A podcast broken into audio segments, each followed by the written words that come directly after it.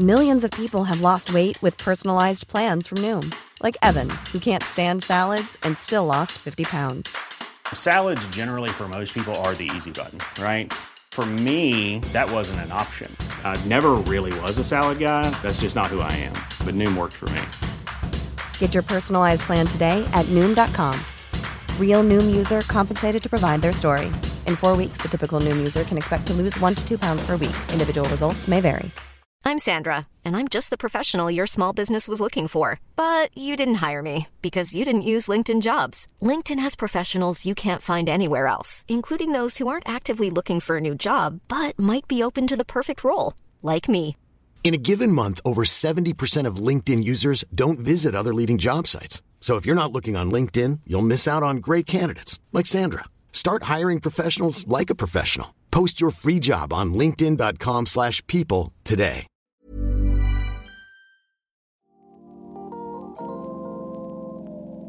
Det här är ett samtal med Paula Bjäller, tidigare riksdagsledamot för Sverigedemokraterna och numera dietiststudent och krönikör.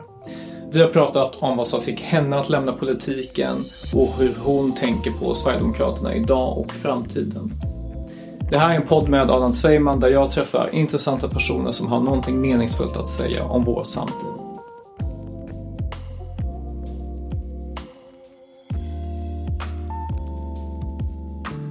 Det är, det är fyra år sedan du lämnade politiken, eller det är ännu längre? Nej, kortare. Två år sedan. Två år Det sedan? var mitt i, två och ett halvt. Ja. Mitt i mandatperioden. Så precis innan pandemin. Det är en pandemi sen jag lämnade. Precis, så du har haft pandemin att reflektera över ditt beslut och, eh, och om det var ett bra beslut eller inte. Så. Vad, vad, fick dig att, vad fick dig att lämna? Det var ju många saker. Ehm, det, dels rent privat. Eh, Jag lämnade ju i samband med att jag skulle gifta mig. Um, och jag visste också att ja, ganska snart efter det så ville vi bilda familj och jag kände att jag vill liksom få vara privatperson i den delen av livet. Få uh, kunna vara hemma så mycket jag vill och, och mina barn behöver det. Uh, och få ägna tid åt mig och min man och vår familj istället för att behöva vara liksom beredd på att när som helst åka in till riksdagen och, och rösta eller åka in till Aktuellt-studion för att debattera något utspel som någon har gjort och sådär. Um, sen var det ju också, jag menar jag hade ju jobbat i nästan tio år eh, i riksdagen. Jag började jobba i mars, alltså nio år blir det, mars eh, 2011. Um, ehm, och varit med om ganska stora förändringar i partiet. En, en stor del av den tiden så satt jag också både i partistyrelsen och sen i verkställande utskottet. Och det hade jag ju lämnat redan på hösten 2019 i samband med landsdagarna då. Eh, för att jag kände att nu börjar det, liksom, vi växer lite grann isär. Eh, lite väl många vägval som har gjorts där jag inte riktigt håller med. Eh, och man kan bara sitta så länge i ett verkställande utskott och känna att jag har reservationer varje möte. Okej. Ehm, så att, då tänkte jag att men då är det väl bättre att de som är helt inne på den inslagna vägen nu får vara de som hanterar partiet ett tag. Mm. Ehm, och det gjorde också att sen när jag, ja, men i samband med bröllop och att inte få åka på smekmånad utan att riskera att det blir kaos i riksdagen om jag inte är där och det är någon viktig omröstning så, så tänkte jag men då lämnar jag allting nu, helt enkelt. Det låter som det, det är två saker, alltså dels det här privata och sen det politiska. Om vi, om vi börjar med den liksom, den privata biten. Det är ändå rätt ovanligt att en, att en politiker som, är, som du var liksom framgångsrik, hade mycket inflytande, liksom en av partiets synliga profiler och att lämna. Det, det, det känns ju som att många politiker ja, men de kanske lämnar när de närmar sig pensionen och sådär. Men att fram tills dess så håller de fast med, med näbbar och klor, bara läm- släpper aldrig. Jag tror att det är väl några fler kanske som börjar tänka lite så. Eh, det har ju varit ganska många. Alltså, vi har ju ett av de yngsta parlamenten i Sverige, eh, om det inte är det yngsta i världen. Liksom. Eh, och jag tror att det är ganska många som, fler och fler börjar känna just att Hur gammal var du när du kom in i riksdagen?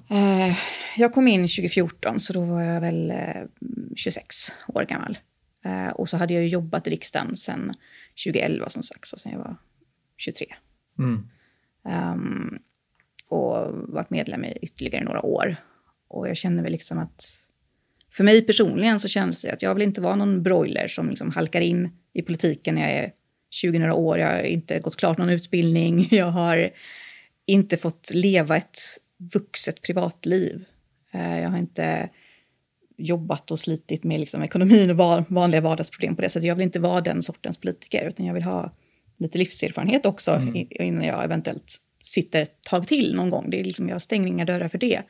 Men eh, jag kände att jag behövde en paus för det, för att mm. få leva lite vanligt liv. Mm. Um, och jag tror det är ganska bra. Jag önskar att fler tänkte så kanske, framförallt många av dem som börjar väldigt tidigt. Jag kan ju tycka att jag egentligen så kanske man inte borde kunna bli rikspolitiker så pass tidigt som vi har det. Att precis när man får börja rösta så man, kan man också bli invald i riksdagen. Ja, vad tror du det är dåligt? Jag ser ju hur det kan um, återspeglas i just kanske eftertänksamheten, i hur man fattar beslut, hur man resonerar. Um, man vet ju att eh, hjärnan fortsätter liksom att, att utvecklas, inte helt färdigvuxen så förrän man är kanske 25-26 år. Och sen så får man ju hela tiden nya erfarenheter som man tar med sig i sina överväganden och kompromisser och allt det man har med sig. Och jag menar, det är en sak, jag tycker det är självklart att man ska ha med ungdomars röster och, och involvera i politiska processer på olika sätt. Men att kanske också vara det, de som fattar besluten.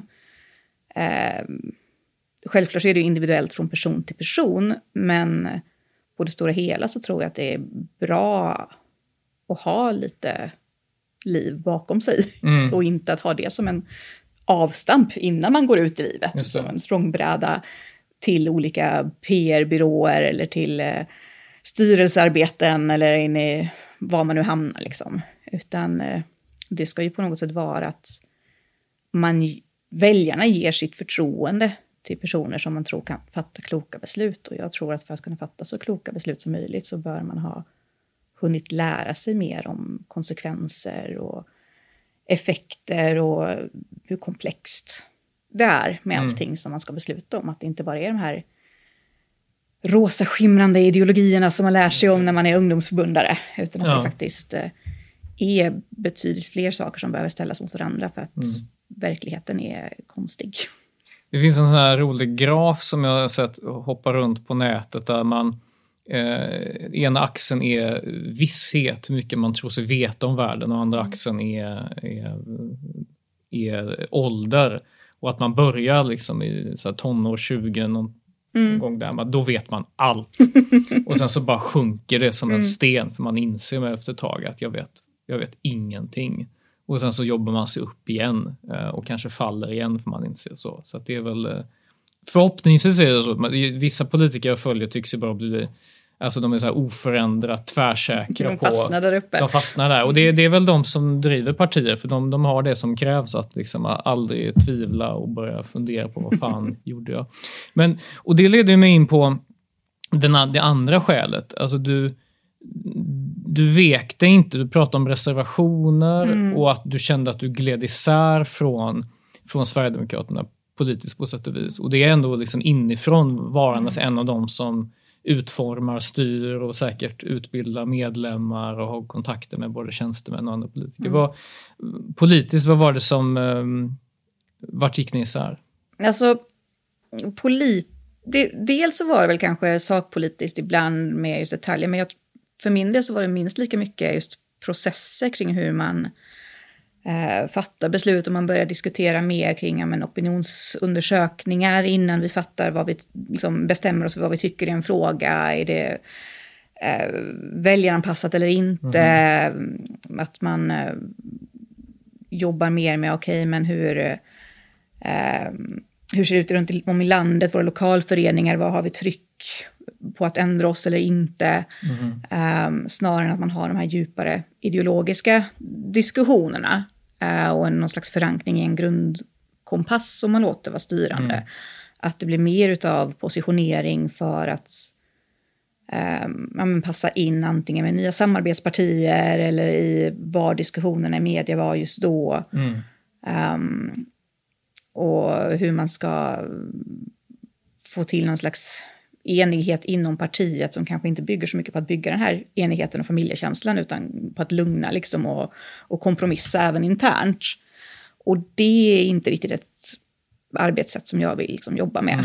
Mm. Um, och sen så var det väl även med, liksom, ja, men med olika projekt och så man gör. Jag har inte riktigt tyckt att det är en superbra idé att ett eh, riksdagsparti lägger ner massa resurser på att starta medieverksamhet. Så. Eller att man ska starta en tankesmedja liksom från partierna. Men jag, jag har inga större problem med att man har liksom Skapa gemensamma... inte den ideologiska liksom, produktionen som du Ja, men alltså, jag har ingenting emot att det finns eh, gemensamma ideologiska ytor, att det finns tankesmedjor som har koppling till partier. Men för mig så är det att då ska det liksom komma underifrån. Det ska finnas en, en rörelse som växer fram, det ska finnas de som är sympatisörer, engagerade, som vill starta en tankesmedja eller som tänker att vi vill starta upp en mediekanal eller tidning. Så. Jag, jag tycker inte att det ska komma uppifrån. Eh, jag vet inte om det är min bakgrund med föräldrar som fick eh, fly liksom, kommunistväldet.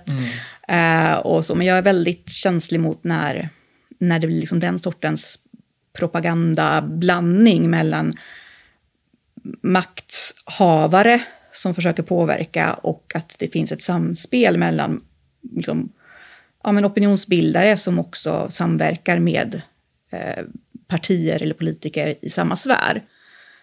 Um, plus att, jag menar, resurser får vi ju tilldelar oss för riksdagsarbete eller för kommunarbete eller för eh, regionarbete. Och våra politiker som är invalda på förtroendeposter tycker jag ska syssla främst med de det arbete som man gör där, då får man i så fall Men, men tror du inte att, avsluta. nu ska inte jag gissa om, om vad, dina, vad dina forna partikollegor, för som jag förstår, du är inte längre partimedlem ens. Nej, jag lät det medlemskapet ja. förfalla. Mm att man kanske kände att det, det finns ingen liksom, media eller tankesmedja som är så att säga, vänligt inställd mm. till SD som andra partier har eller har i alla fall liksom, någon tidning som är kopplad eller stödjer dem och så. Man var tvungen att skapa det själv från grunden. Typ.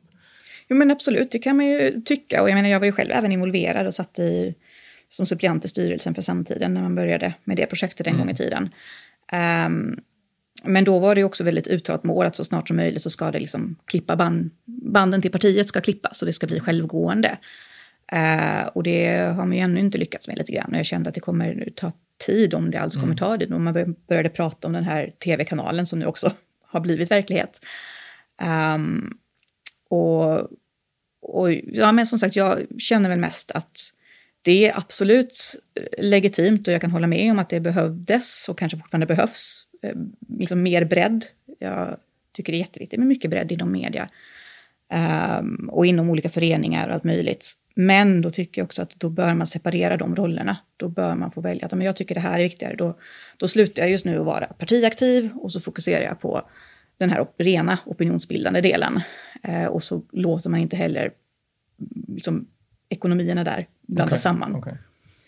Du sa också att, alltså, det här låter som så här organisatoriska frågor, mm. som att du liksom har en bild av så här, men så här ska man organisera ett parti och inte så här mm. och så. Men, men du hade också ideologiska eller politiska betänkligheter? Eller var, mm. vart, vart gick ni isär politiskt kände du? Alltså det, som, det som fick uppmärksamhet var ju abortfrågan.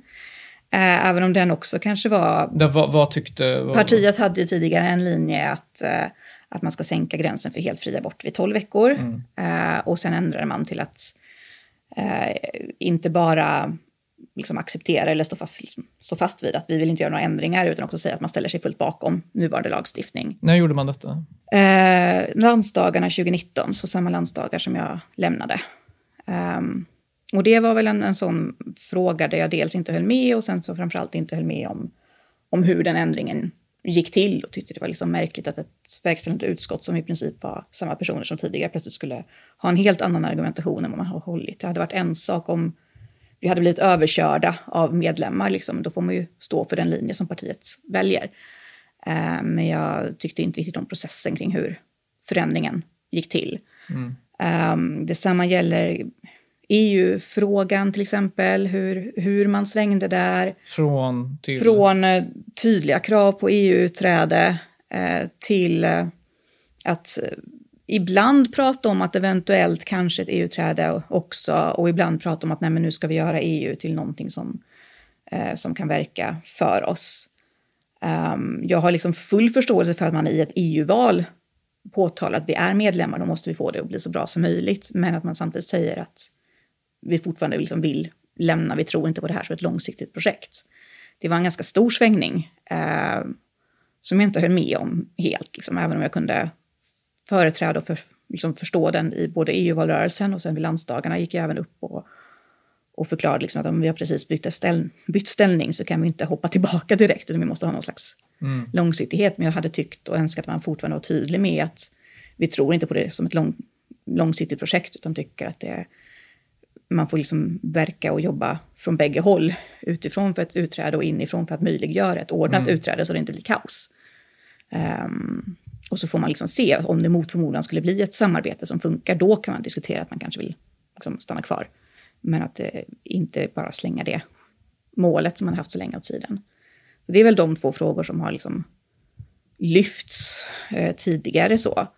Men sen är det ju, alltså det har ju liksom varit små glidningar på många olika områden där jag har känt att ja, men, eh, argumentationen eller var man lägger fokus och hur man resonerar, även om jag kanske landar i samma slutsatser fortfarande så gör man det på olika sätt. Um, det, jag vet inte helt säkert liksom varför eller hur och vad det är som styr. Och då känner jag mig inte helt bekväm med att vara del mm. av det.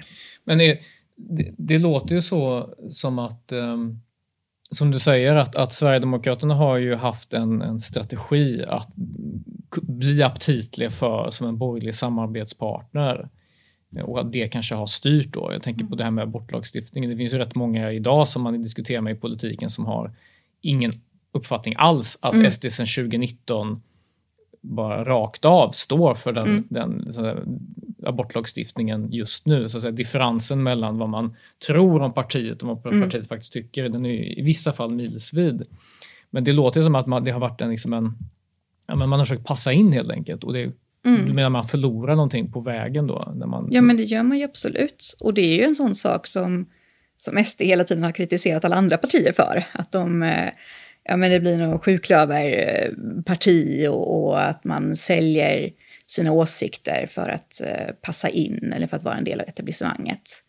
Eh, och jag tror att det var en bidragande orsak till att det kändes så oerhört märkligt för mig att se att eh, det parti som jag gick med i, som jag upplevde som väldigt både liksom var en stark familjekänsla. Man, man,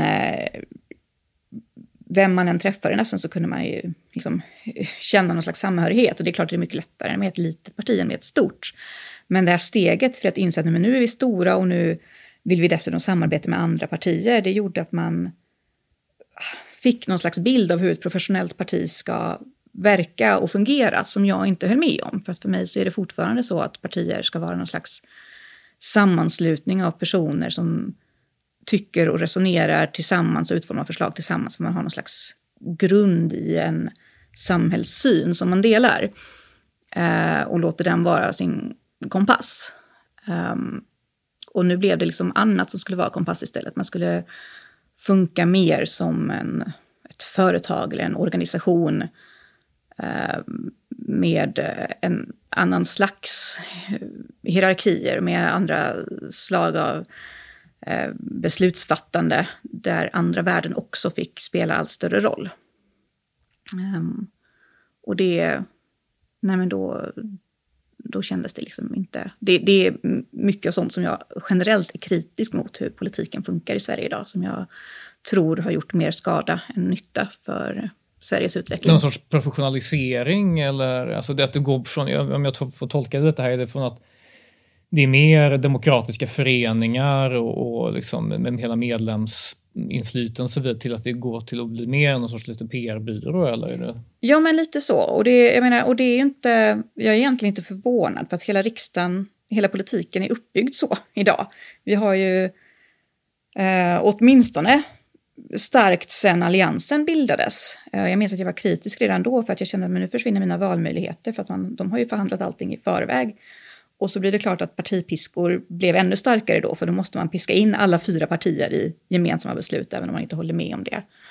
Uh, och det präglar ju liksom hela riksdagsarbetet. Det är väl ytterst få och ofta känns de som kontrollerade ledamöter mm. som får ha egna linjer.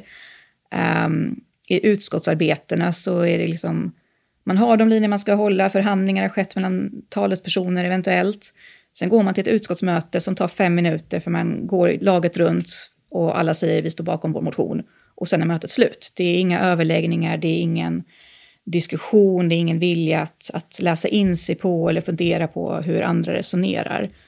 Och det går ju egentligen emot liksom vår konstitution, hur, hur tanken är bakom vårt demokratiska system, där vi ska vara representanter för våra län och för våra partier, när vi ska lägga motioner som sen ska överläggas och diskuteras och utredas i utskotten. Um, utan huvuduppdraget för en riksdagsledamot, det är ju att möjligtvis ha koll på de frågor som det egna utskottet hanterar, eh, framförallt då man är talesperson, men i övrigt att vara liksom en eh, representant och PR-person i fyra år tills nästa val. Mm. Det är ytterst få personer som egentligen fattar besluten och de besluten sker oftast bakom stängda dörrar och sen så väljer regeringen ändå att ignorera tillkännagivanden. Så blir det liksom, um, ja, ingenting av det hela i slutändan. Uh, vi lägger massa motioner. Uh, det hanteras liksom 6-7 tusen motionsyrkanden i riksdagen varje år.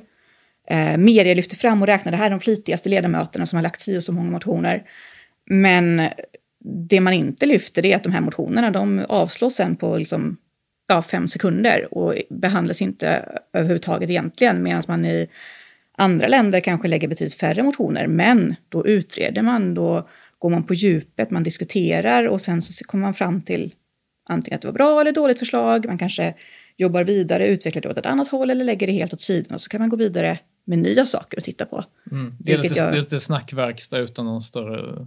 Ja, det är ju inte en snack, det är ju en liksom, poseringsverkstad. Ja. Det är ungefär lika... En sorts chimär nästan. Ja, det är lika mycket innehåll som valaffischerna, skulle okay. jag säga. Ja.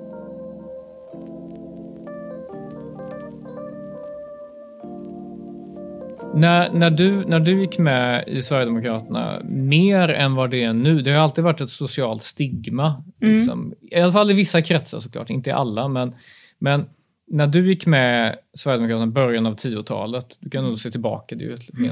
2009 gick jag faktiskt 2009 med. till och med. Uh, och, och, och, dessutom med, med, en bakgrund som jag tror då var mer ovanlig än vad den mm. kanske är nu.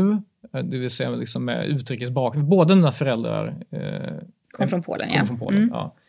ja. Um, och hur, hur mottogs det i din omgivning? Så var, det, var det att, betalade du ett högt socialt pris för det? Har det? Var det tufft? Liksom? Ja, men, eh, jo, men det är klart att jag betalade ett visst pris för det. Eh, nu hade man väl...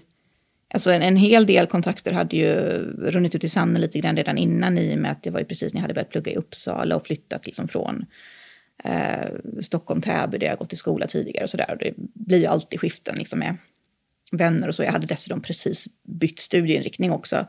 Eh, så att en del var ju naturligt, men sen absolut, det var väl i princip Ja, det var min dåvarande pojkvän som numera är min man mm. som, som var liksom kvar och så några, eh, främst av hans vänner då. Um, och sen så var det väl av mina vänner några som man hade kontakt med fortfarande lite grann, som jag haft kontakt med hela tiden. Även om det kanske var lite stelare ett tag. Och andra som eh, bröt helt och som jag fortfarande inte har hört något från. Och ytterligare andra som kom tillbaka för några år sedan och började liksom be om ursäkt och så. Hur bad de om ursäkt? För vad då? Eh, Nej, men viss, jag minns någon som liksom bad om ursäkt eh, för att man hade fryst ut mig eller liksom slutat bjuda in mig till kompisträffar och sådär som man hade haft med andra gymnasievänner och så. Och jag kände mest att det var jättesnällt, men jag menar för min del så var det minst lika mycket kopplat till att jag hade flyttat till en annan stad. Jag hade inte reflekterat så mycket över det. Um, särskilt som jag också liksom hade min gymnasiekille och vi bröt ju Uh, och då blir det liksom ofta att någon tar kompisgänget så att säga. Uh, lite mer än de andra i alla fall.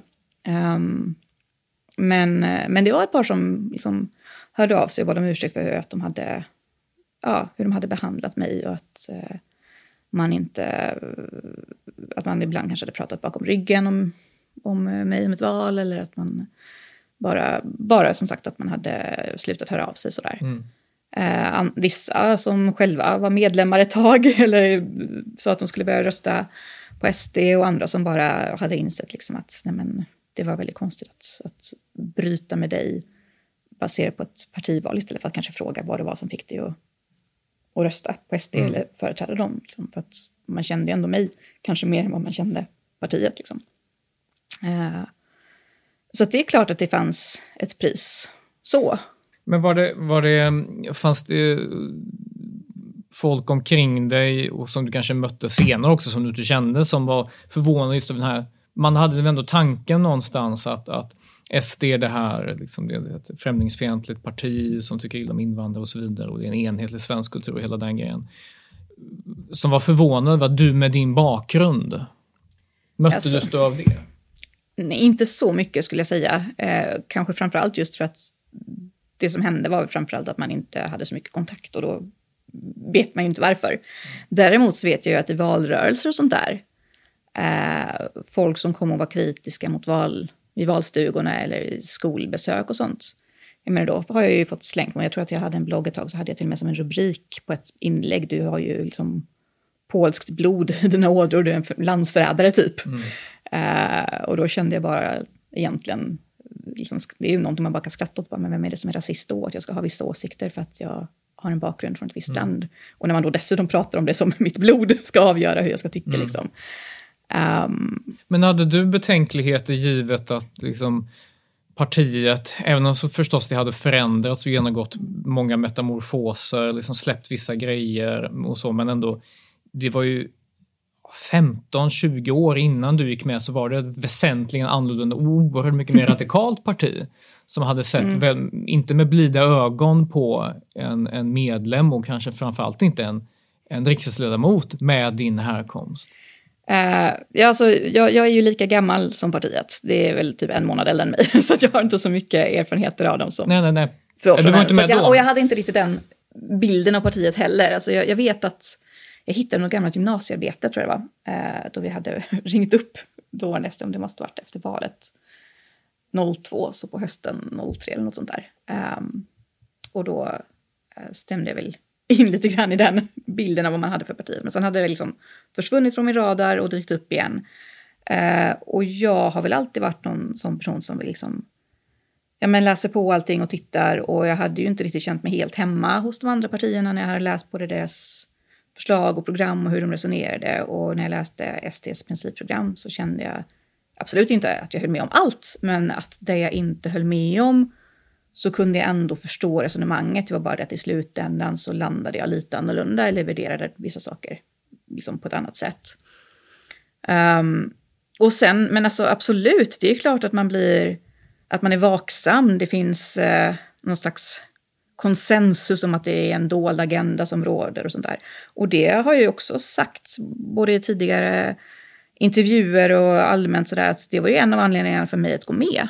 Alltså att, att kunna wallraffa åt mig själv, mm, kunna, mm. kunna se men vad är det för folk egentligen? Hur, hur funkar vad, det? Vad, vad, liksom? vad var den dolda agendan du hörde talas om och vad var det sen du fann när du väl... ja, du wallraffade in hela vägen in i partistyrelsen och in i riksdagsgruppen ja. så att du gjorde ju den, så att säga, den resan. Ja, nej men alltså den dolda agendan alla pratade ju om var ju att ja, men det här är ju bara, man har ju bara tagit på sig kostymer, under ytan så är man fortfarande liksom eh, om inte nazister så åtminstone rasister. Mm. Eh, och vill slänga ut alla som har någon utländsk bakgrund. Eh, och, så där. och det var ju inget sånt jag såg liksom, alls på, på något framträdande sätt i partiet. Det är klart att det har funnits enskilda personer genom året. Jag har suttit i partistyrelsen jag har uteslutit folk. Jag vet att det finns. Mm. Men jag har ju också sett hur det har hanterats. Och, jag, och hur har det hanterats tycker du? Ja, men jag tycker att det, överlag så har det ju hanterats precis så som jag förväntat mig. Det har varit antingen eh, i absolut bästa fall så har det ju kunnat skötas redan lokalt. Att lokala företrädare säger att men du har nog handlat fel, du vänligen lämna liksom. Om de eh, har uttryckt de. Eh, rasistiska åsikter eller något sånt. Ja, mm. och i andra fall så har det fått gå till som uteslutningsärenden sådär.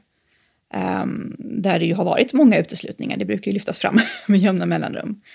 Um, så jag har aldrig upplevt att det inte har varit någonting man har tagit på, på på allvar, i alla fall inte under min tid i partiet. Nu sitter jag ju inte där så nu vet jag ju inte, men, mm. men det skulle väl förvåna om man helt plötsligt får en dold agenda när man är 30 några tusen medlemmar. liksom. Um, jag minns att jag också resonerade lite grann redan för att sommaren 2009 var det väl som Kaliber gjorde sin lilla eh, sin wallraffande undersökning eller sitt reportage. Eh, och jag minns att jag tänkte lite grann också att okej, okay, här har vi någon, någon tjej som har liksom tagit sig in till fester med liksom, toppskiktet inom ungdomsförbund och parti. Eh, och det här var allt hon fick ut av det. Det fanns liksom inget värre. mig, vad var det hon fann? Jag har missat det. Man sjöng, eh, det som fick mest uppmärksamhet var ju att man fulla sent på natten hade sjungit en gammal muffvisa om just Olof Palme. Just det, just det, det var den stora grejen. Ja. ja. Um, så att jag minns att jag kände att liksom, okej, okay, alltså hade det verkligen funnits dolda agendor så borde det ha funnits mer redan där. Eh, och jag såg inget sånt när jag gick med. Eh, den eh, lokala ordföranden i Uppland. Sen så spårade ju han ut på sitt sätt, men jag menar, eh, han var ju, hade ju ryskt påbrå. Jag minns så tydligt någon gång... Var det Pavel Gamov? Precis. Mm. Jag minns så tydligt något eh, landstingsfullmäktigemöte. Jag satt ju i lands, och landstinget, som det hette då, eh, som första ersättare i praktiken ordinarie eh, mandatperioden 2010 till 2014. Um, och jag minns något, någon lunch under någon heldags fullmäktige så kom det fram en kvinna från Socialdemokraterna som hade utländsk bakgrund och satte sig lite försiktigt, frågade först om hon fick sitta hos oss och sen satte sig hos oss och så var det liksom så att ja men ni är ju trevliga, ni är ju inte alls farliga, ni har ju utländsk bakgrund själva, det såg jag ju liksom. Och de från mitt parti, de vill egentligen inte ha mig här, utan de jag ville ha mig inkvoterad, men de lyssnar inte på mig.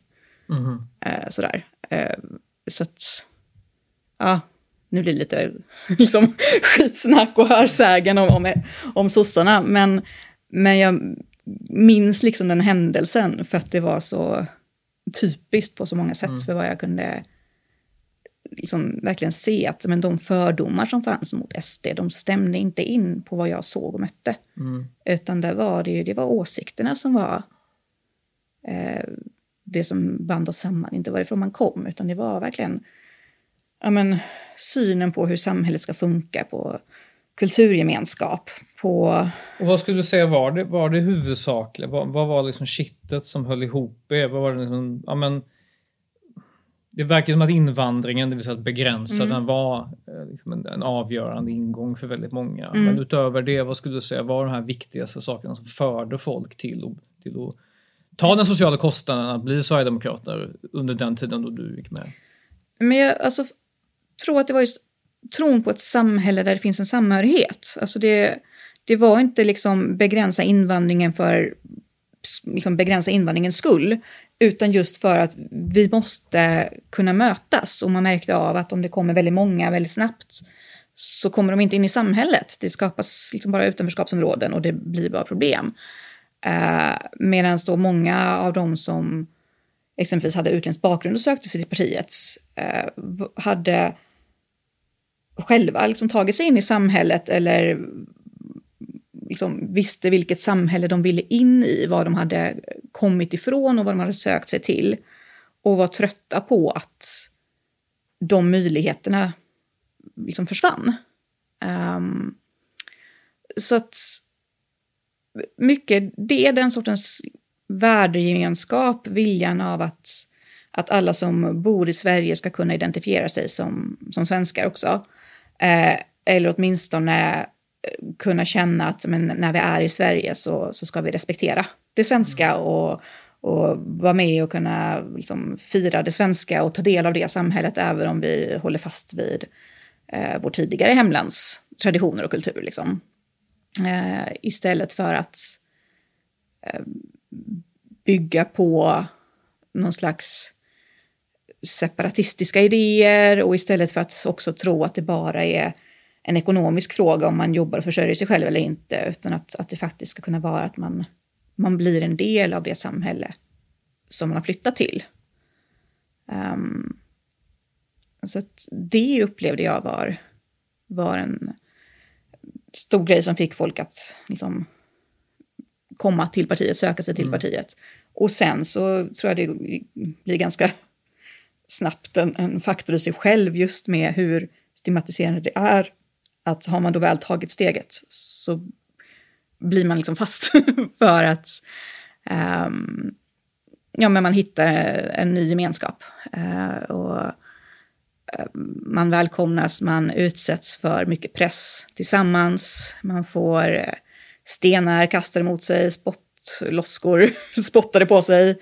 När man var ungdomsförbundare och gick i demonstrationståg så jag menar, jag har haft bengaliska eldar som har svorsat förbi örat och sådär. Mm. Um, det är klart att det bygger ju också samhörighet på ett sätt. Absolut. Men hur...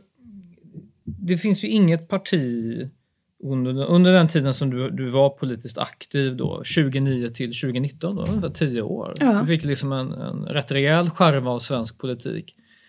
Det finns ju inget parti som, som folk i allmänhet haft så många tankar om. Jag som har både varit politiskt aktiv och sen som fortsätter mm. skriva om politik. Det finns ju inget parti som det finns så många uppfattningar om. Alltså hela den, hela den stundande valrörelsen, vi spelar in det här innan valet. Mm. Den handlar ju mångt och mycket enbart om det parti du Fortfarande. Fortfarande så handlar det ju nästan uteslutande om vad innebär det potentiellt ifall mm. det här partiet skulle få något inflytande, hur mycket mm. inflytande och så vidare. Um, och varför tror du att den bilden som du ger nu, som låter väldigt mycket liksom mildare mm. än den bilden som finns utifrån, varför närmar sig aldrig de här två den, den liksom värsta farhågan mm. som kommer liksom generellt från vänster men även från, liksom från liberaler och även från en del andra säkert. Mm. Varför närmar sig aldrig den bilden som du, som du förmedlar, som du har och den här liksom värsta farhågan? Liksom, att de någonstans möts halvvägs. Vad tror du det beror på? Nej, men alltså, till viss del närmar de sig ju. Det blir ju hela tiden allt fler som, som kanske släpper de, den liksom, största skräcken och sådär. Men sen är det liksom av, av samma anledning som eh, det fortfarande finns många på högerkanten som vägrar se Vänsterpartiet som något annat än eh, råhudade kommunister. Liksom. Tycker du de är råhudade kommunister? Eh, det finns säkert en och annan kommunist som, som söker sig till Vänsterpartiet. Jag tror att fler söker sig till kommunistiska partiet. Eh, möjligtvis så har ungdomsförbundet antagligen fler kommunister än vad moderpartiet har. Um, men jag tror att de allra flesta är väl inte, absolut inte på, av den eh, kaliber som eh, eh, ja, våra föräldrar har fått, fått utstå. Um, men, eh, men det är alltså de, de, som är mest övertygade och särskilt de som också kanske ja, men var unga och har mött partiets företrädare under en tid som partiet var som värst och hade företrädare eller sympatisörer som klädde sig i liksom, partiets färger och namn um, och gjorde saker i partiets namn som var vedervärdiga.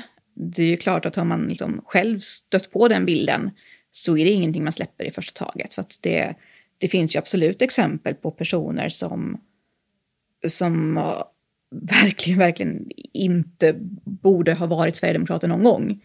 Uh, och som ändå har fått sätta bilden av Sverigedemokraterna uh, lokalt eller nationellt under en, en period av liksom, du, du, de senaste tio åren eller tidigare i historien? Vad, vad uh, nej men både och egentligen. Alltså det är tidigare, framförallt i början av 90-talet så har man ju liksom, när jag var företrädare så fick man ju läsa på lite mer sen mm. och, och, se både rubriker och även, även i partiets egna historiebeskrivningar så har man ju pratat om de liksom, tidiga 90-talen, åren som eh, vilsna år där man kände att man behövde synas och höras trots Ny Demokrati. Liksom, och, och inte alls brydde sig lika mycket om att hålla rent som man kanske borde.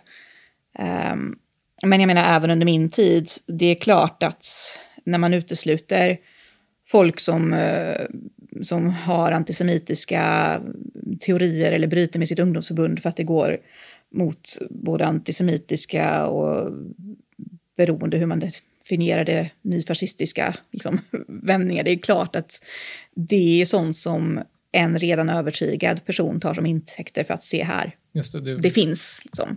Och, och det stödjer den här hypotesen då om att, att det är bara en, en tunn fernissa och bakom den så ser vi vad som egentligen finns. Mm. Jo, men, ja, absolut. Och, jag menar, och det drabbar väl alla partier i, i viss mån, men det är klart att det drabbar ett parti där den, den bilden av vad de negativa är, är så pass allvarlig som det som Sverigedemokraterna anklagas för. Då drabbas det mycket hårdare än att man liksom anklagas bara för att vara nyliberal. Det är Just inte det. riktigt lika ja. skrämmande. Eh, i alla fall inte för merparten av, av människor, som, eh, som att anklagas för att vara nazist. Liksom. Ja. Um. För att alltså den, den ideologiska färgbeteckningen, om man ska kalla den för det, brun, den används ju fortfarande. Ja, vissa ja. Ja, och mm. i svensk offentlighet är den ju väldigt, väldigt vanlig. Det kallas ju för det blåbruna blocket lite föraktfullt. Föraktfullt och återigen av, av vissa av de som har politiska sympatier eller politiska färger på andra sidan. Och det är klart att det är effektfullt. Det är ju... Ingen vill vara brun, politiskt brun. Liksom. Det... Ja, förutom de som då är politiskt ja, jo, jo. Men, men de är ju ganska få, tack och lov. Uh, det... Stötte du någonsin på, på de krafterna? Försökte de någonsin mm. liksom påverka eller hota? Eller vad det liksom... Jo, men det har jag väl gjort. Uh, jag vet att men, något exempel var jag hade varit i någon ehm, debatt om det kan ha varit inför EU-valet eh, 2014 måste det ha varit, för jag kandiderade inte nästa gång. Eh, så vet jag att efter debatten så liksom gick till busshållplatsen och väntade på att åka hem så kom det fram några och de började yra om eh, hur eh, Israel i konspiration med USA gasade och mördade folk och verkligen så här, ja, men, det märktes ganska snart att de var inne um, på en helt annan politisk sida. Uh, och så försökte jag avfärda lite snyggt och sen så kom de med någon kommentar att ja, men vi kanske kan ses på någon liksom, lunchträff och diskutera så kan vi lägga fram våra bevis för det här. Mm. Eh, eller så, så kom det en liten kommentar, eller du kanske har livvakter. Okej, okay, jag vill nog inte träffa er mm. privat någonstans så. Um, sen uh, så jag menar när, eh, när jag utmanade om posten som ungdomsförbundsordförande, vilket ju drog igång hela den här... Vilket år var det? Eh, det ryktena började komma... Jag, jag blev tillfrågad eh, på hösten 2011, men det blev offentligt och jag liksom tackade ja och började kampanja på våren 2012. Och då hade det det var då All, Erik Almqvist hade avgått som uh, ungdomsförbundsordförande. Almqvist mm. hade avgått. Uh, och han lämnade över till William Petzell som satt ett tag innan han lämnade över till uh, Kasselstrand under liksom sittande period. Så det var ganska snart efter att Gustav Kasselstrand hade blivit formellt vald för första gången. Han var ju liksom vice som fick träda in, men när han blev vald till ungdomsförbundsordförande ganska snart efter det så började ungdomsförbundet då um, ta kliv som uppmärksammades liksom inom partiet. Um, och så fick jag frågan där uh, någon gång ganska sent på hösten om jag kunde tänka mig att kandidera mot. Um, uh, funderade lite grann på det, mm, tackade jag och sen så läckte det på något sätt till, till den andra sidan, eller falangen, det som numera är AFS. Liksom.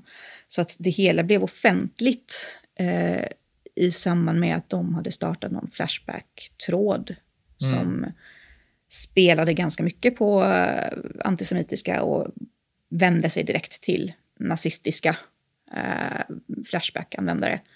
Eh, jag, jag läste så. den tråden mm. och, och, det, det är inte, alltså det är ett fåtal personer på Flashback som så har, de är höger om höger mm. om höger. Men, men just att, att man såg dig lite grann som någon sorts, nästan någon sorts trotskist, inte trotskist mm. men som en, en trist, liksom, någon som är inne i partiet för att underminera partiet och att du på något sätt förstör den renheten då mm. med just allusioner till din bakgrund och att du mm. stod för en mer mainstream borgerlig syn på mm. politiken. Ja men alltså det är ju jag är fortfarande så jag kan flashbacka mitt namn ibland fortfarande för att se mm. vad de hittar på nu. Eh, men det var ju en period, det var ju verkligen helt galet och jag kunde inte sluta läsa. Jag har ju läst vartenda inlägg i den tråden och även andra trådar liksom. Um, jag tror jag har skrivit egna inlägg typ fem, sex gånger eller så. Uh, med många år emellan. Under eget namn alltid. Um, men det var ju ett uppvaknande för mig att se den tråden för att inse att det faktiskt finns så pass många eh, personer i Sverige som har den sortens åsikter, eller som åtminstone kan fabricera den sortens åsikter och föra en diskussion om det. Eh, det vill säga, typ antisemitiska konspirationsteorier? Ja, och, och renodlat nazistiska åsikter också. Liksom inte bara, bara antisemitism som det skulle vara bara, men alltså verkligen renodlat stödjer eh, nationalsocialistiska idéer och, och tycker liksom att det är synd att Hitler misslyckades. Eh, någonstans så har man ändå, eller jag var i alla fall förskonad från den sortens eh, hat eller upplevelser. Så att jag hade liksom fått se det innan dess. Men då märkte man på något sätt att det fanns och den var aktiv och den rörelsen ville påverka SD och ansåg liksom SD vara sitt verktyg.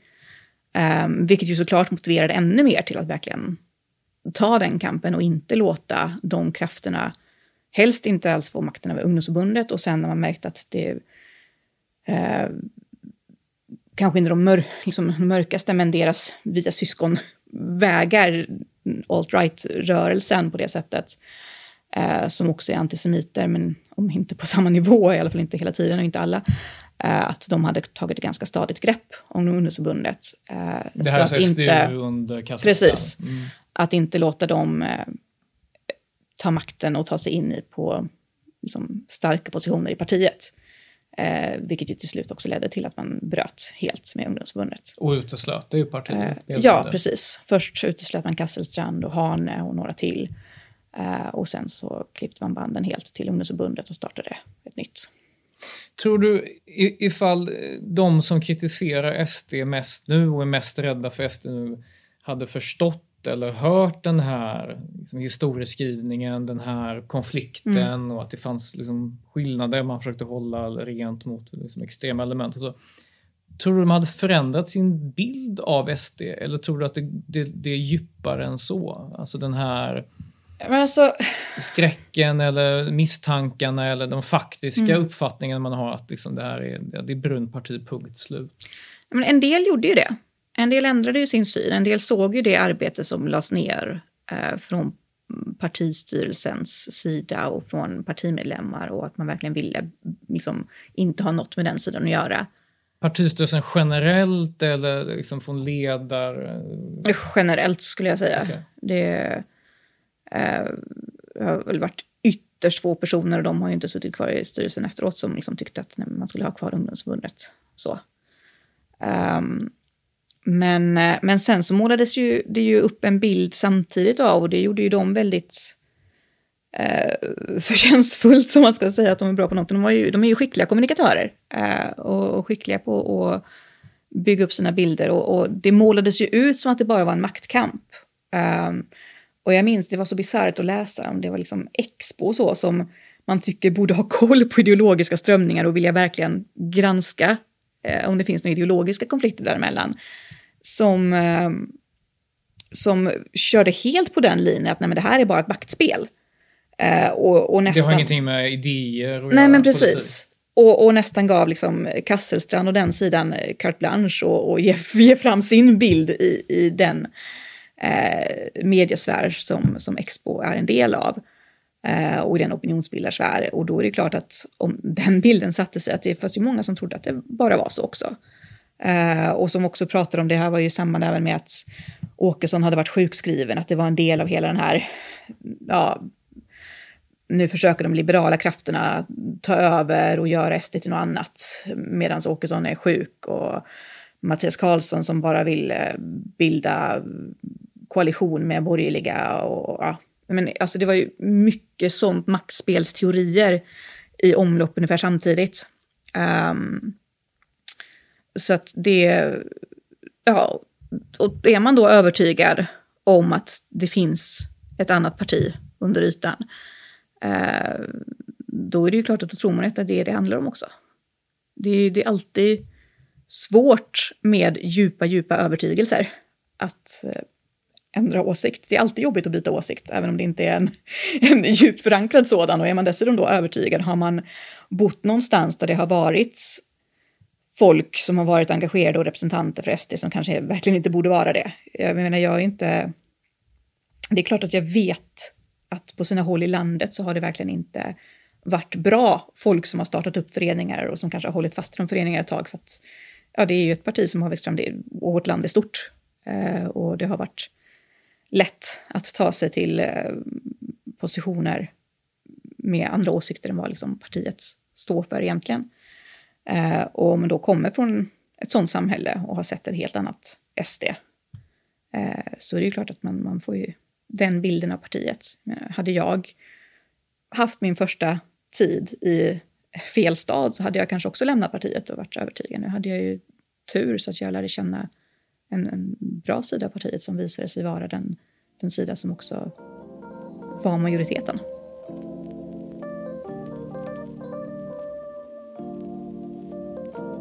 Är det inte lite, lite underligt att när du utmanade eh, i ungdomsförbundsvalet där mm. 2012 då, mm. Då var väl du någonstans på något sätt den, jag vet inte, den borgerliga, mer mm. konservativt liberala kandidaten. Mm. Och sen 2019 så lämnade du partiet Egentligen, okej okay, det var organisatoriska frågor, mm. okay, men vi lämnar dem där här och tar de två politiska frågor du nämnde så var det SD anpassar sig till den allmänna mm. abortlinjen i Sverige och du vill vara vill ha mer restriktiv linje mm. och du vill ha ett mer principiellt ställningstagande i EU-frågan. Så man kan ju tänka mm. sig att du på något sätt. Jag har fått några Flashback-användares eh, förlåtelse i efterhand. Jaha, det är så alltså? Ja. Okej. Okay. Att du på något ja. sätt ändå lämnade av för att du tyckte att de hade gått, jag vet inte säga för långt vänsterut, men de hade liksom mjuknat för mycket. Mm. Uh, Tycker du det vittnar någonting om, om partiets resa under det här årtiondet? Att det blev på det här viset? Men Lite kanske. Alltså det är klart att eh, jag tycker partiet har ju rört sig väldigt tydligt. Hur mycket man än säger att man fortfarande vill vara ett mittenparti och vill se sig som den social, sociala samvetsrösten i ett liksom, högerblock. Så har man ju ändrat åsikt i många frågor och förflyttat sig och varit beredd och villig att kompromissa i väldigt många frågor eh, högerut. Eh, även om jag ofta kan tycka liksom att jag håller med om vissa förändringar så har är det en tydlig skift, skiftning som har skett Sen så, jag menar, jag har aldrig velat placera in mig i ett enskilt politiskt liksom, ideologiblock så. Jag tycker att man kan lära av och inspireras av de flesta tankegångar och eh, åsikter. För mig är det ganska viktigt att försöka lyssna på olika resonemang och så. Eh, från många olika håll. Och, och det, eh, den finaste komplimang jag någon gång har fått i politiska sammanhang är att jag är för ideologisk för att ha en ideologi. um, för att jag vill verkligen ja, men fundera igenom och jag, de som känner mig vet att jag har en ganska liksom, klar linje, men beroende på vilken fråga man tittar på så kan det verka som att jag är superliberal eller stockkonservativ. Liksom. Um, för att för mig så är det liksom inte... Det är inte så att det finns en politisk etikett som jag tar på mig och då ska jag ha alla de åsikterna som hör samman med den etiketten. Utan jag har mer olika värderingar som jag vet är starka för mig och sen så försöker jag väga dem mot varandra de gånger de krockar och se vart jag landar. Liksom.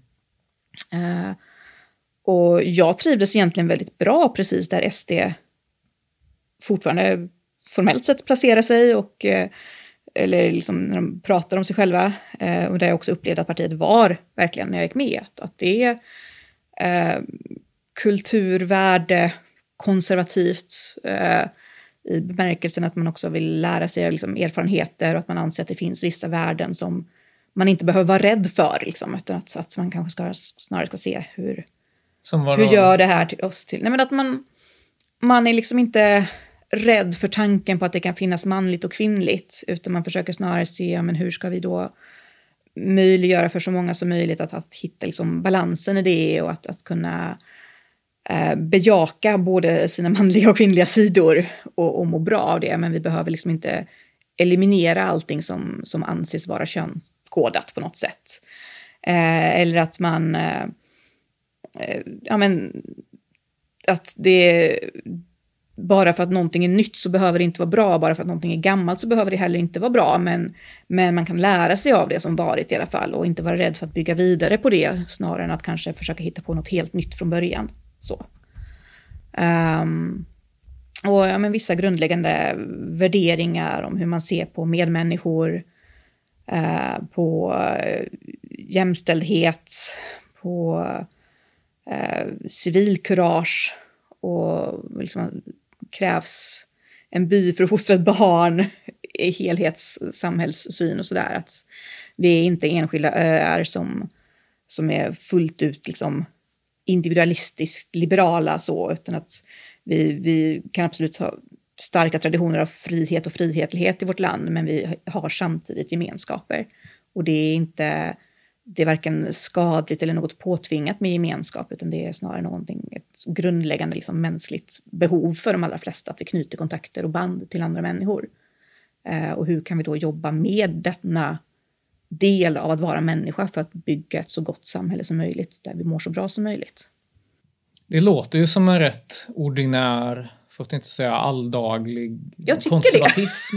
Jag tycker det. Men, men, då, men då får jag, vill jag jättegärna fråga dig, vad, vad tänker du om, om Sverige under de här senaste tio åren som du liksom ändå har, mm. du har väl, även om du har ett, ett, annorlunda civilt liv nu så har du väl följt liksom utvecklingen ja, ja. i Sverige och så, även under pandemin och så. Vad, utifrån den här liksom konservativa horisonten, vad tänker du om det Sverige som, som finns idag, givet möjligheter till de här liksom, bygemenskapen som fostrar barnet och de här kanske både lokala identiteterna och gemenskapen men även på en, en mer aggregerad nivå mm. nationellt. Finns det goda förutsättningar, dåliga? Du nämnde tidigare segregationen som mm. en stor anledning till att det kanske inte funkar, men vad tänker du? Jag tänker att det är ett jättejobb och lång tid som ligger framför oss ifall man ska få ordning på landet. Okej, okay. och hur, det, hur går det till då? Uh, jag tror att man kommer behöva jobba på många, många fronter samtidigt. Uh, man kommer från politiskt håll, det jag saknar jättemycket nu, är att man uh, inte är öppen med att det här kommer ta tid. Vad, vad specifikt? Alltså, nej men att, att, att skapa förutsättningar för att mötas igen, att skapa förutsättningar för att bygga upp en välfärd som fungerar som ett trygghetsnät eh, och som samtidigt är använt just när det är liksom behov av det och inte bara för att det finns. Um, du, du tänker välfärdsfusk eller vad? Ja, både fusk och ren allmän syn på... Alltså, vi har, vardagsmoralen eller så upplever jag vara väldigt mycket borta ofta i diskussioner när man pratar med andra eller hur man upplever samhället. Utan det, är liksom, det här har man eh, rätt och möjlighet till att ta tillvara. Är det lagligt eller är det olagligt? Eh, inte är det hur, hur? rimligt eller inte att, att bete sig på ett sätt. Så länge någonting är lagligt så, så ska alla kunna göra det hela tiden. Och, utan att man ska liksom, och är det någonting som man tycker är dåligt, då ska det helt plötsligt direkt förbjudas. Um, är det bidrag av något slag eller stöd som ska utvecklas, då ska det liksom gå till alla, eller det ska vara lätt att, att söka och så är det många som söker det också för att det blir liksom självklart att nu har jag rätt till det här så nu ska jag ta det. Eh, istället för att fundera över men eh, behövs det och vems pengar är det och, och vad, vad och när ska det appliceras egentligen. Um, skolsystemen är liksom... Uh, ska vi pressa in alla i samma mall på samma 9 plus 3 år eller 10 plus 3 år? Eller ska vi ha mer eh, flexibilitet, få tillbaka olika sorters yrkesutbildningar, värdera upp lärlings och yrkesjobb, göra det möjligt att skola om sig till, till den sortens yrken efter att man har varit inne på en akademisk linje från början. Jag kan inte gå komvux för att bli undersköterska, för att det måste man, det kan man, man får mm. bara gå på komvux om man inte har liksom, högskolebehörighet uh, eller färdiga gymnasiebetyg. Um, så att... Ja, nu har jag nästan tappat bort mig själv. Men det, här, det, det är liksom en bred... Om vi går till det här, den här privatmoraliska mm. biten, för det är väl en, en ofta en konflikt eh, mellan i alla fall liberala och konservativa. Att, att konservativa framhärdar behovet av den här liksom, privatmoralen, mm. att det finns en, en sorts osynlig väv som knyter samman mm. oss, som reglerar hur vi beter oss i offentligheten mot andra som vi inte känner mm. och så vidare. Och så säger liberaler, ja men det där är jättebra, men det har, det har ingenting att göra med, eller du kan inte lagstifta fram det. Um, så hur, hur, ser man på det? Hur, hur odlar man fram den? Och, vad, och, vilka förutsättningar tycker du att det är en sämre liksom, på något sätt hänsyn och privatmoral som kommer uttryck i dagens Sverige på 2020-talet eller på 2010-talet mm. än vad det var, jag vet inte, vår barndom när vi växte upp på 90-talet? Alltså det är ju, man har ju alltid bara sin egen bild, så att jag har ju liksom svårt um jag tycker inte riktigt om att göra den sortens jämförelser för att jag vet att den, den, det jag jämför mellan är, är bara en liten, liten inblick. Men däremot så kan jag ju tycka att både då och nu så såg jag ju ofta, och kanske oftare nu än förut, eh, men nu har jag också en helt mycket bredare bild, eh, exempel på där jag tycker att det är mycket svagare privatmoral än vad jag hade önskat i ett välfungerande samhälle. Um, jag minns, och det här var redan innan jag blev politiskt aktiv, jag var liksom ute eh, någon gång med vänner eh, ganska sent och vi var på väg hemåt och så gick man över någon eh, bro i centrala Stockholm och så såg vi liksom snett under hur det var någon slagsmål på gång. Och så, ja, men alla drog upp sina mobiler.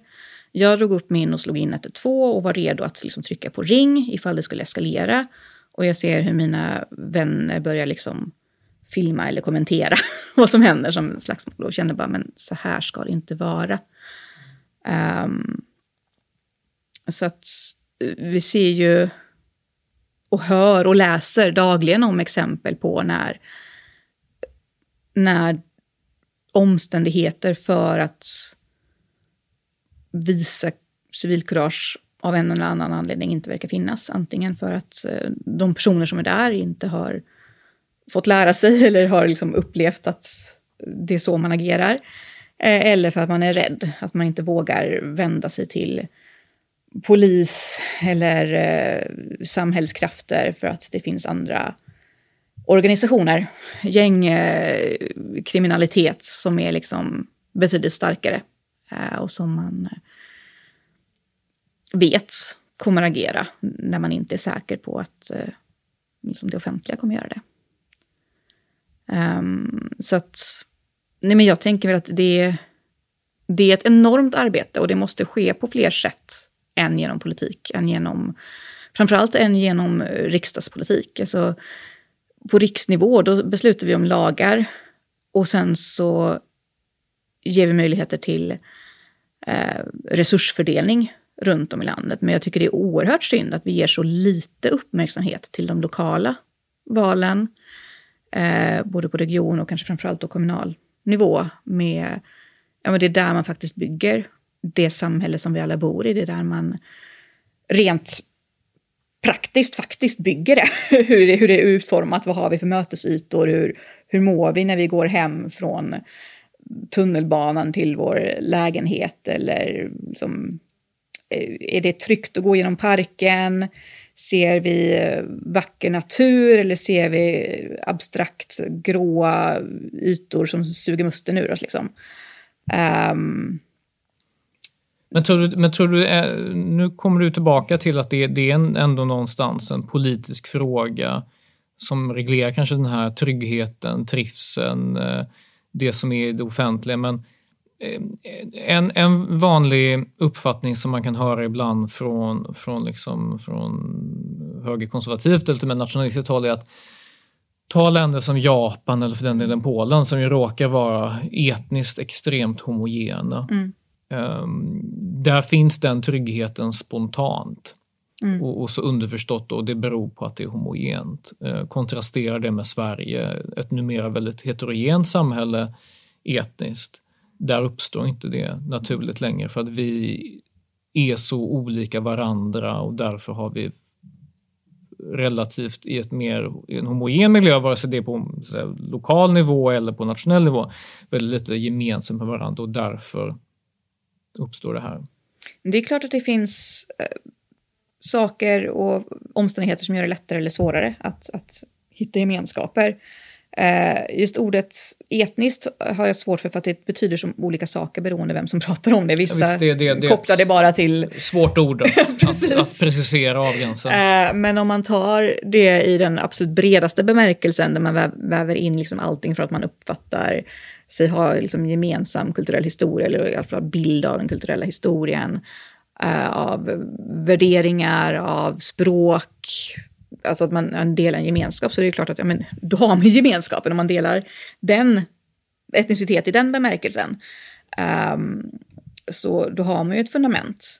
Och det är klart att det är ju lättare att uppnå en eh, gemenskap av det slaget ju, ju mindre mångkulturalistiska idéer som har samlats och ju mindre man satsar på Vad är mångkulturalistiska idéer Mångkultur- när du säger så? när jag säger mångkulturalistiska idéer, då pratar jag om, politiska idéer där man har mer eller mindre separatistiska eh, organisationer eller stöd eller Etniska samhälle. föreningar, Ja, precis. Att man ska okej.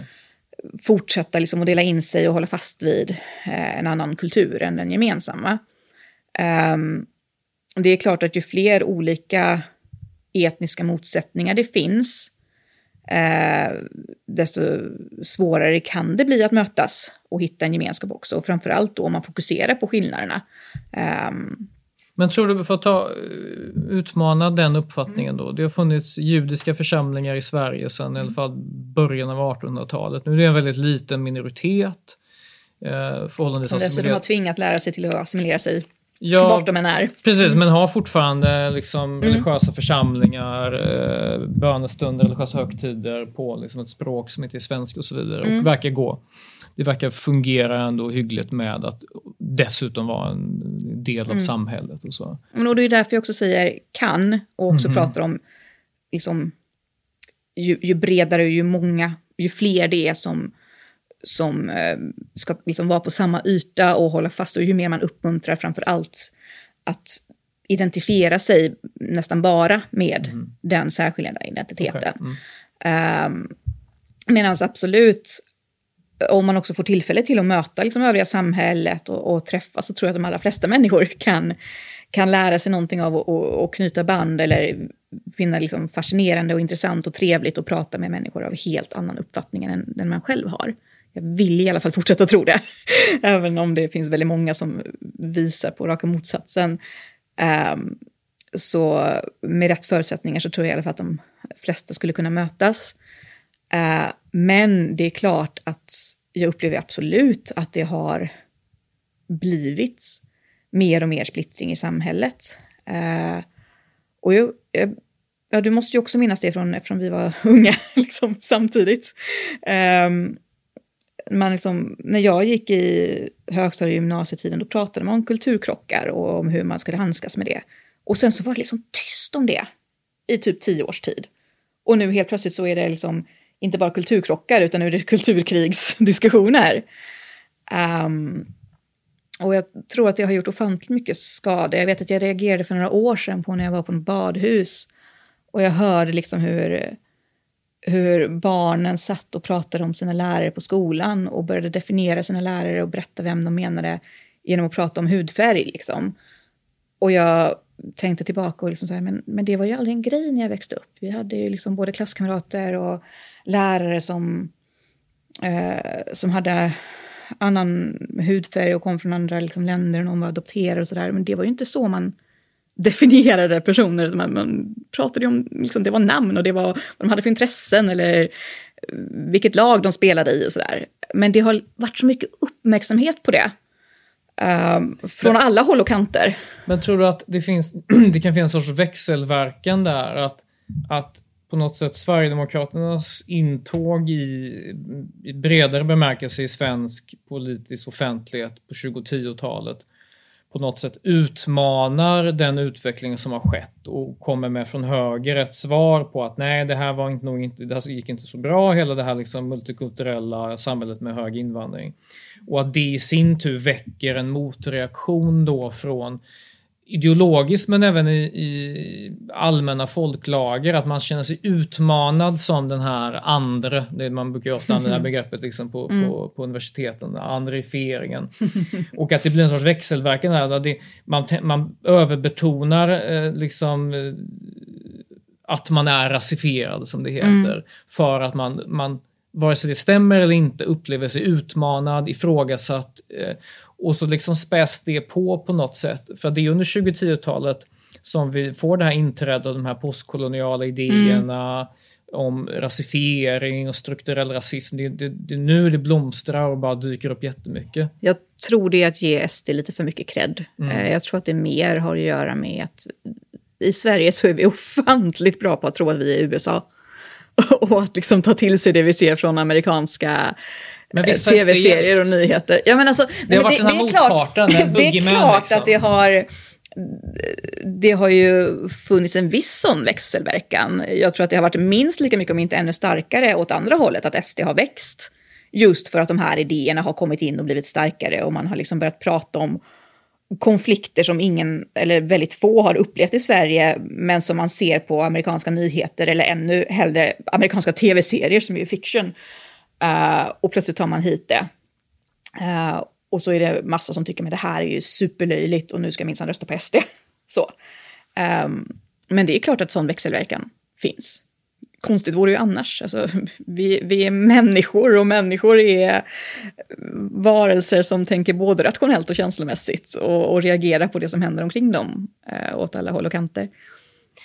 Tror du att det kommer en tid när det som präglade 2010-talet och SD, för SD har ju präglat mm. svenskt 2010-tal på ett så otroligt dominerande vis utan att en enda gång på nationell nivå liksom egentligen få stöd för sin politik, annat än indirekt då. Kanske mm. enskilda mm. omröstningar ja. så. Ja, okay.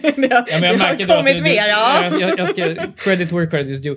Men att det kommer komma en tid när den här, liksom, det som SDs kritiker ansåg var den här normaliseringen, mm. det ordet är lite ovanligare men det förekommer mm. väldigt mycket att SD normaliseras. Tror du det kommer en tid när SD är normaliserat som politisk kraft och, mm. och på något sätt verkar så som andra partier verkar. För nu har ju SD varit liksom outsider-rösten mer eller mindre mm. på alla politiska nivåer. Ja, men det tror jag. Uh, och sen hur snabbt det går och vart man placerar sig på den liksom, politiska spelplanen, det återstår att se. Um, men jag menar på många sätt så tror jag att man får väl säga att det är normaliserat redan nu. Jag, jag gick förbi valstugorna på vägen hit och, och märkte att det var ju liksom jämnt fördelat med ungdomar hyfsat. Det var, lite, det var flest vid Moderaternas och vid SDs och vid Liberalernas. Men vad gäller Liberalerna så var det nog för att de hade godis, för det såg jag en kommentar om. Um, men det var liksom ganska mycket överallt så. Eh, och jag menar, som någon sa också att de som är förstagångsväljare nu, för dem så har ju SD alltid suttit vid riksdagen. Eh, så i den bemärkelsen absolut. På samma sätt som återigen då, Vänsterpartiet är normaliserat. Så det kommer alltid finnas de som tycker de är extrema och att man inte ens kan röra i dem i tång. Men det, det är ytterst få som liksom har illusioner eller pratar om att det här är ja, det kommer gå som Ny Demokrati om liksom ett val och sen så kommer de ut igen och falla sönder. Utan man har någonstans accepterat att de är här för att stanna åtminstone överskådlig tid framåt. Um, och nu handlar det ju mer om att alla partier ska positionera sig på nytt i ett nytt politiskt landskap. Um, sen har vi ju, vi har ju en jättesplittring i samhället. Liksom. Uh, det, och de konfliktytorna, de kommer nog finnas länge, men där är det ju liksom en ömsesidig avnormalisering av den andra som sker. Uh, där man tycker att de andra är knäppa i brist på bättre, mer filosofiska ord. Mm. Um, men, men att man, man mer och mer ser SD som ett parti som finns där, som ingår i samarbeten. Man är ju inte helt framme än. Jag menar, det är inte så ofta som det skulle bli ramaskri om huruvida man är på en kampanj eller åker buss tillsammans på ett studiebesök. Ja, det är ju det som det definierar den här valrörelsen ja. rätt mycket faktiskt fortfarande, 2022. Ja, jo, men precis. Um, Men, men Och det är ju... anses ju fortfarande vara av många i, i, i offentligheten anses fortfarande vara väldigt motiverat. Mm. Jo men absolut. Men det är ju samtidigt, det, är ju en, det går ju inte att jämföra med hur det har varit. Eh, så. Eh, sen är det liksom, man ska ju aldrig ge några liksom helt definitiva uh, framtidsspådomar eller profetior. Man vet ju aldrig vad som kan hända. Eh, men, men så som det ser ut nu så absolut. Hur länge tror du den, det liksom, den ledargrupp som fanns när du var aktiv Mm. är fortfarande samma ledargrupp kring Jimmie Åkesson som är aktiv nu? Och mycket av den här utvecklingen under den tiden som du var med om kretsade kring den och du var ju en del av den gruppen på många sätt. Hur länge kan de sitta? Länge. Eh, så länge som de känner att det behövs för att det arbete de har lagt ner inte ska bli ogjort. Finns det folk bakom dem som kan ta över eller tror du det, är liksom, det står och faller med Åkesson och hans gäng? Eh, det finns personer som skulle kunna ta över om ett tag, som nog inte är redo än. Som? Eh, jag tycker inte om att spekulera i namn eller lyfta fram enskilda. Den, eh, Okej. De tankarna har jag för mig själv. Ja. Men det finns absolut eh, folk som, som skulle kunna eh, ta sådana roller. Eh, jag tror också att varken de personerna eller ledningen känner att det är helt uppenbart och självklart att göra det än. Och jag tror också att det är, är en av många anledningar till att, man, att jag har svårt att svara på exakt hur länge till Okej. de kommer sitta kvar. För att man, man vill inte att det arbete som man har lagt ner, jag menar jag satt i tio år, eh, de här har ju suttit liksom 20-30 år och jobbat med att ta partiet från där det var till det det är nu. Ehm, och det, det är liksom ett livsverk, det är på något sätt ett barn som man har fostrat. Eh, det vill man inte i- släppa hur som helst eh, om man inte känner sig trygg med att det kommer fortsätta i en bra riktning. Känner du att du har gjort ditt sista i politiken? Nej, det skulle jag inte säga, inte nödvändigtvis. Men i partipolitiken eh, för ett bra tag framöver, ja. Däremot så eh, vill jag ju fortsätta att kommentera och opinionsbilda och påverka. Eh, det gör jag ju till viss del på de plattformar jag har. Eh, till viss del genom att jag har massa kontakter och kan liksom ehm, påtala eller ställa frågor som är jobbiga för de som sitter kring hur tänkte ni här egentligen, vilket jag kan göra i flera olika partier för att jag har kontakter eh, så. Um, men, eh, men just nu så känner jag att så länge svensk politik ser ut som den ser ut just nu och så länge riksdagen funkar som det där PR-maskineriet som jag beskrev tidigare eh, så har jag inte ett dugg sug efter att komma tillbaka till den delen av svensk politik, eller cirkusen. Jag vill liksom, jag vill göra skillnad på ett annat sätt än vad man kan göra på den arenan. Och jag vill fortfarande få vara mamma privat, som en privatperson, och få jobba några år eh, med något vanligt också. I alla fall deltid. Paula, tack så mycket för det här samtalet. Tack själv.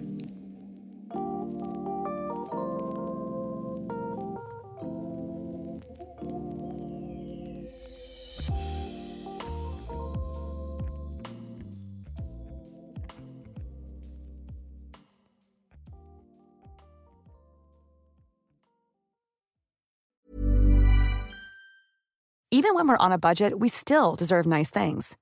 Quince is a place to scoop up stunning high-end goods for 50 to 80% less than similar brands. They have buttery soft cashmere sweaters starting at $50, luxurious Italian leather bags, and so much more. Plus, Quince only works with factories that use safe, ethical, and responsible manufacturing. Get the high-end goods you'll love without the high price tag with Quince. Go to quince.com slash style for free shipping and 365-day returns.